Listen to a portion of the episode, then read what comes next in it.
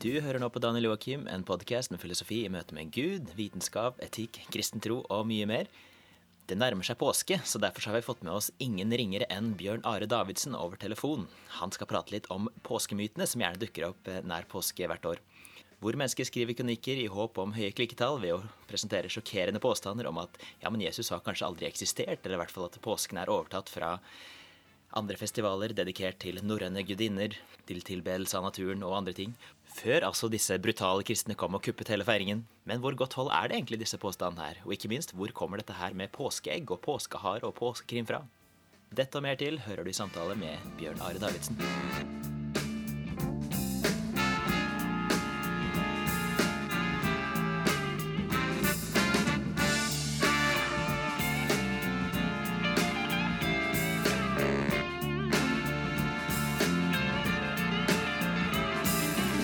Da er vi tilbake med husets kjære og kjente myteknuser, Bjørn Are Davidsen. Og siden det nærmer seg påske, så trenger du kanskje ikke være Sherlock Holmes for å tenke gjennom hva vi skal snakke om i dag. Velkommen, Bjørn Are. Ja, tusen takk. Du, Vi nærmer oss jo nå påska, og da er det vanlig at det blir et par avisoppslag med diverse påstander om eh, Jesus og diverse. Hva slags eh, myter vil du si preger denne påsketiden?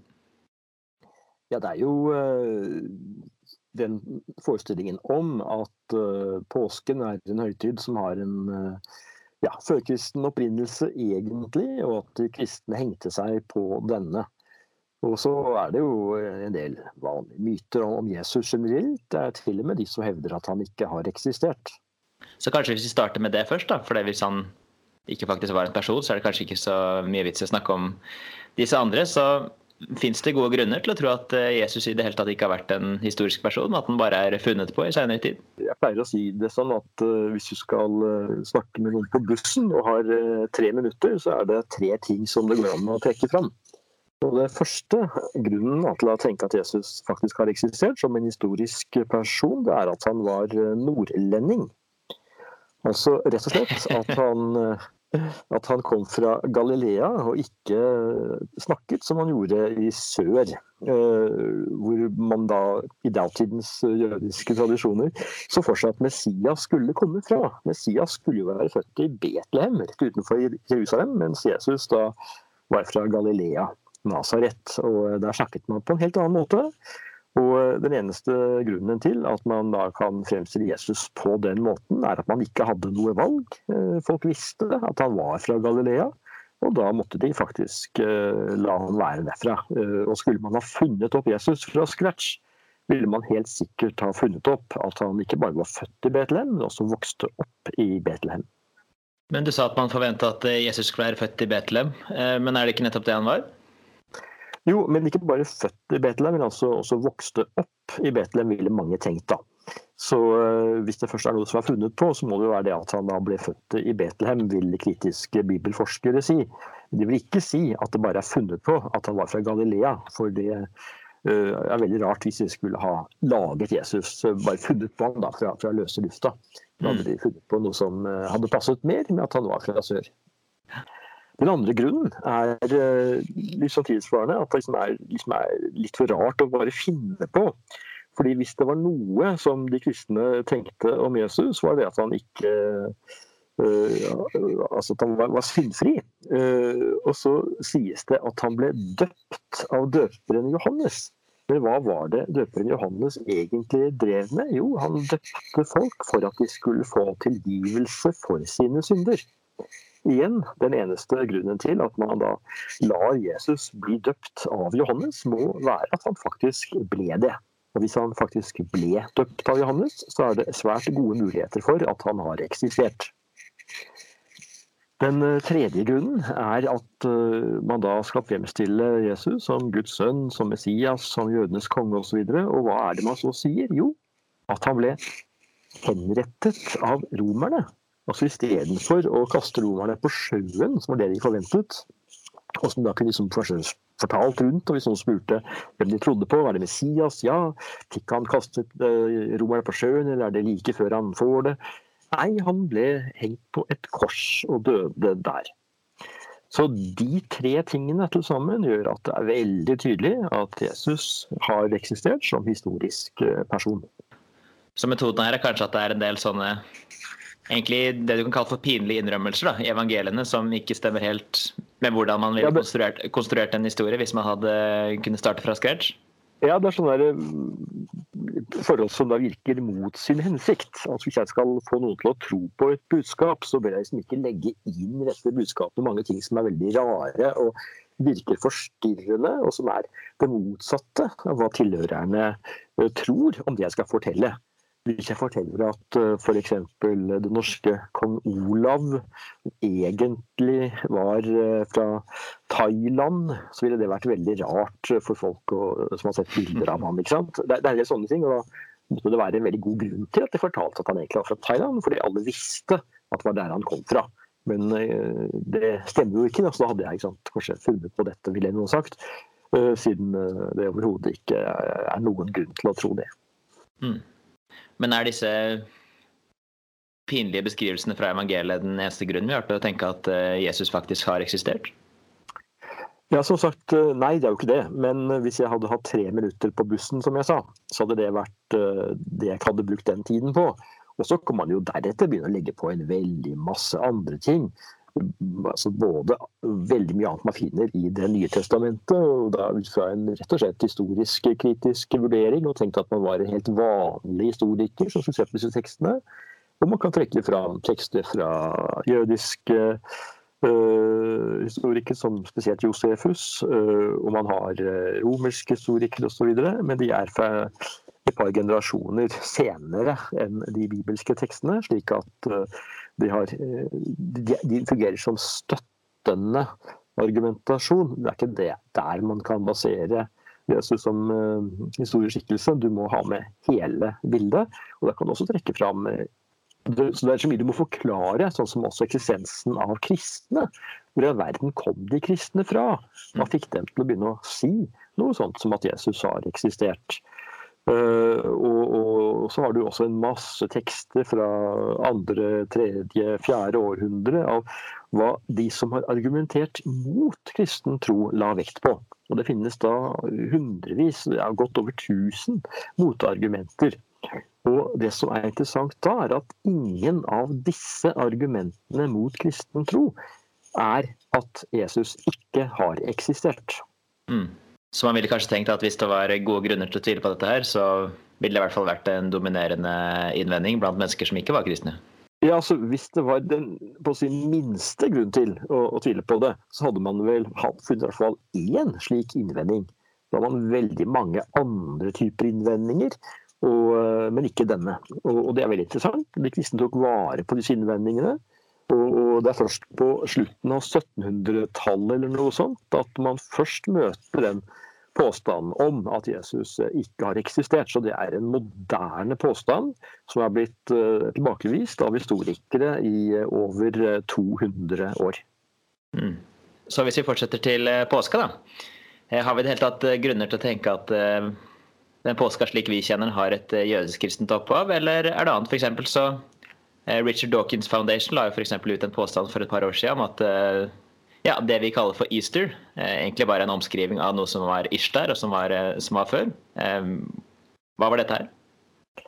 Ja, altså hvis man skal forholde seg til hva som ligger ute på Dawkins Foundation for and Science, så bør man nok være svært kritisk. For jeg har Eh, nesten som, som, eh, som, regel, hovedregel, at det som står der, er, er feil når det kommer til historiske forhold.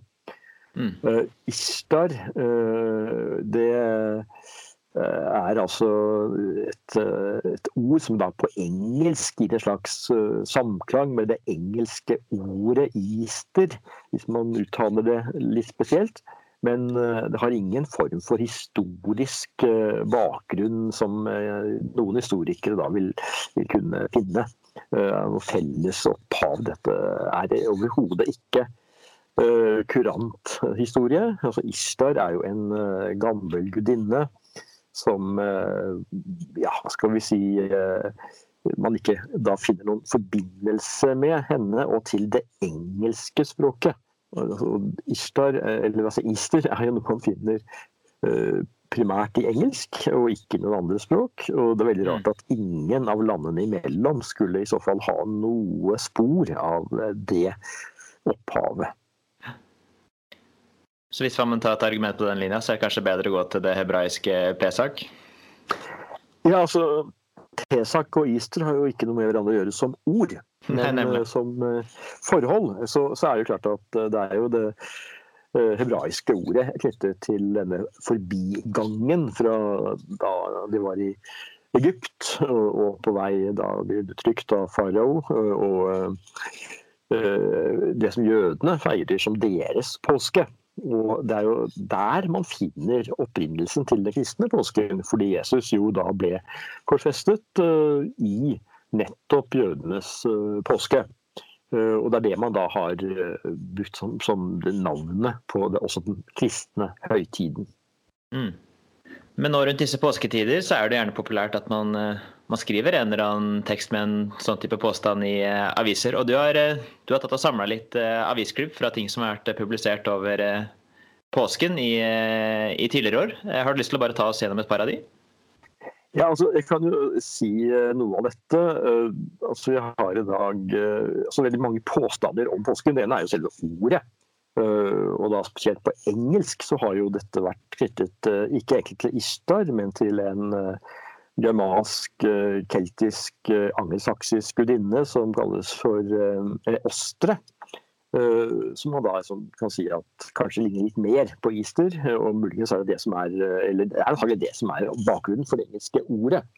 Men så er spørsmålet hva i all verden er dette her osteret? Og der har man egentlig bare én eneste kilde. Nemlig den eh, engelske munken eh, Bede på, på 700-tallet. Og det han eh, da gjør, er at han bare nevner dette, omtrent som det er navnet på en, en, årstid eller en fest. Og eh, det er rett og slett ikke noe som, eh, som man har, har funnet spor av i andre sammenhenger. Det er kanskje et par stedsnavn og sånn som kan knyttes til dette, men ikke noe mer enn det. Så det er uklart hva slags figur denne Eostre faktisk eh, kan ha vært. Eh, så det er, er rett og slett eh, et veldig tynt grunnlag å si at dette er tatt over fra, fra denne gudinnen. Men navnet kan jo være knyttet enten til en slik skikkelse eller til en fest, en vårfest. Men det er kun navnet. Det har ikke noe å gjøre med den, selve den festen og, og, det valget av tidspunkt som dette her er knytta til. Mm. Er det noen flere påstander som gjerne skaper masse klikk i internasjonale aviser? Ja, altså, Klikk i internasjonale aviser er det jo så mange som skaper. Men uh, eh, f.eks. dette med at uh, disse påskeeggene er uh, veldig tydelig en sånn uh, rest fra en fruktbarhetsfest. En, en hedensk førkristen fruktbarhetsdyrkelse i realiteten så finner man ikke denne dette, koblingen mellom påske og egg før ganske mye senere enn en, en, altså, altså, i, i, kristen tid. Da. Og bakgrunnen her virker rett og slett å være knyttet til katolske fasteregler. Hvor man da ikke skulle spise uh, kjøtt eller egg i fastetiden før påske. Men når så mm. påsken kom, hadde man da klart å samle opp veldig mye egg, da. Siden disse dyrene ikke akkurat lot være å produsere uh, egg. Og dermed så, så, ble påsken et tidspunkt for veldig mye eggspising. Men det var rett og slett knytta til, til altså, katolske fastregler. Og Det samme gjelder jo også haren, altså påskeharen osv. Eh, men det er eh, igjen noe som er veldig vanskelig å føre til, føre til uh, å føre kristent. Antagelig så har det mer å gjøre med at det er mye harer. Altså Snøen har gått, og man begynner å se dyrene i skogen på den tiden. og man ser haren hoppe rundt, så vet man at det nærmer seg påske. Så det er en veldig sånn enkel forklaring på det. Ikke at det var noe sånn stor harekult eller noe sånt i førkristen tid. For det har nemlig vært min egen teori, at uh, ordet påske kommer egentlig bare fra ordet påskehare, og så er det måte bare en slags sånn forkortelse for det. da. Altså, jeg, jeg syns at den teorien er av de harde. uh, slik, slik, at uh, den er såpass uh, hard og, og, rar at den vil ikke veldig mange forskere tar. Men, men altså, det, er jo, det, er jo, klart at noe av det du sier her, sånne ordspill og, og sånne, mer sånn påstander med glimt i øyet, det kan man jo holde på med. Men skal man ta dette her litt sånn seriøst, da, sånn folkloristisk osv., så, videre, så må man jo gå til kilder og prøve å se sammenhenger. Og Det er litt sånn, syns jeg, typisk at man nesten øh, Ikke ordet desperat er riktig, men veldig ivrig som skal finne en annen type opprinnelse til en rekke høytider enn noe kristent. Og ja, noen høytider har jo flere røtter enn bare en, en kristen høytid. Julen har jo litt sånn varierte røtter. Men påsken er vel av de relativt genuine kristne feiringene, som er også veldig tidlig, og hvor kristne ikke tok over noen annen feiring enn da den jødiske. Men siden de første kristne faktisk var jøder, så er det ikke så veldig rart. Ja, så hva da med denne påskekrimmen? At vi setter oss ned med bøker og benker oss foran TV for å se ulike makabre ting skje med ulike typer mennesker. Eh, har det en sammenheng med at eh, påskehistorien med Jesus som dør på et kors i seg selv er en ganske makaber historie? Jeg skal ikke se bort fra at det kan ha en sånn sammenheng, men jeg tror den er litt mer ubevisst. Altså, Påsketimen er litt sånn norsk tradisjon. Den stammer fra 1920-tallet, hvor det ble laget en, eh, eller skrevet en krimroman som het 'Bergenstoget ranet i natt'. Og, Det er eh, rett og slett sånn at ble det en sånn vane nordmenn dro på fjellet, og så leste de, eh, leste de rett og slett litt sånn grøssende bøker for å ha noe å, å holde på med. Forresten ble Bergenstoget plyndret i natt, ikke ranet i natt.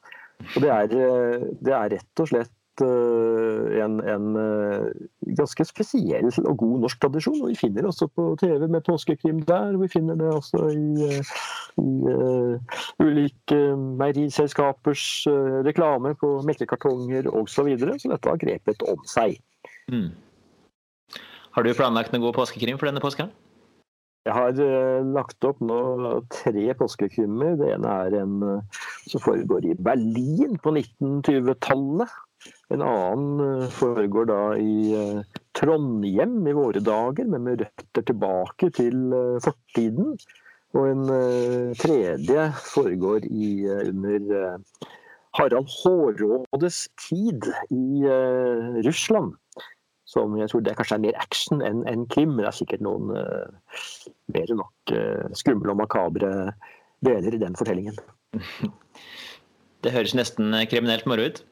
Men da ønsker vi deg eh, god påske, og takk for at du kom og opplyste oss litt om disse tingene her, eh, Bjørn Are Davidsen. Ja, takk for at du spurte.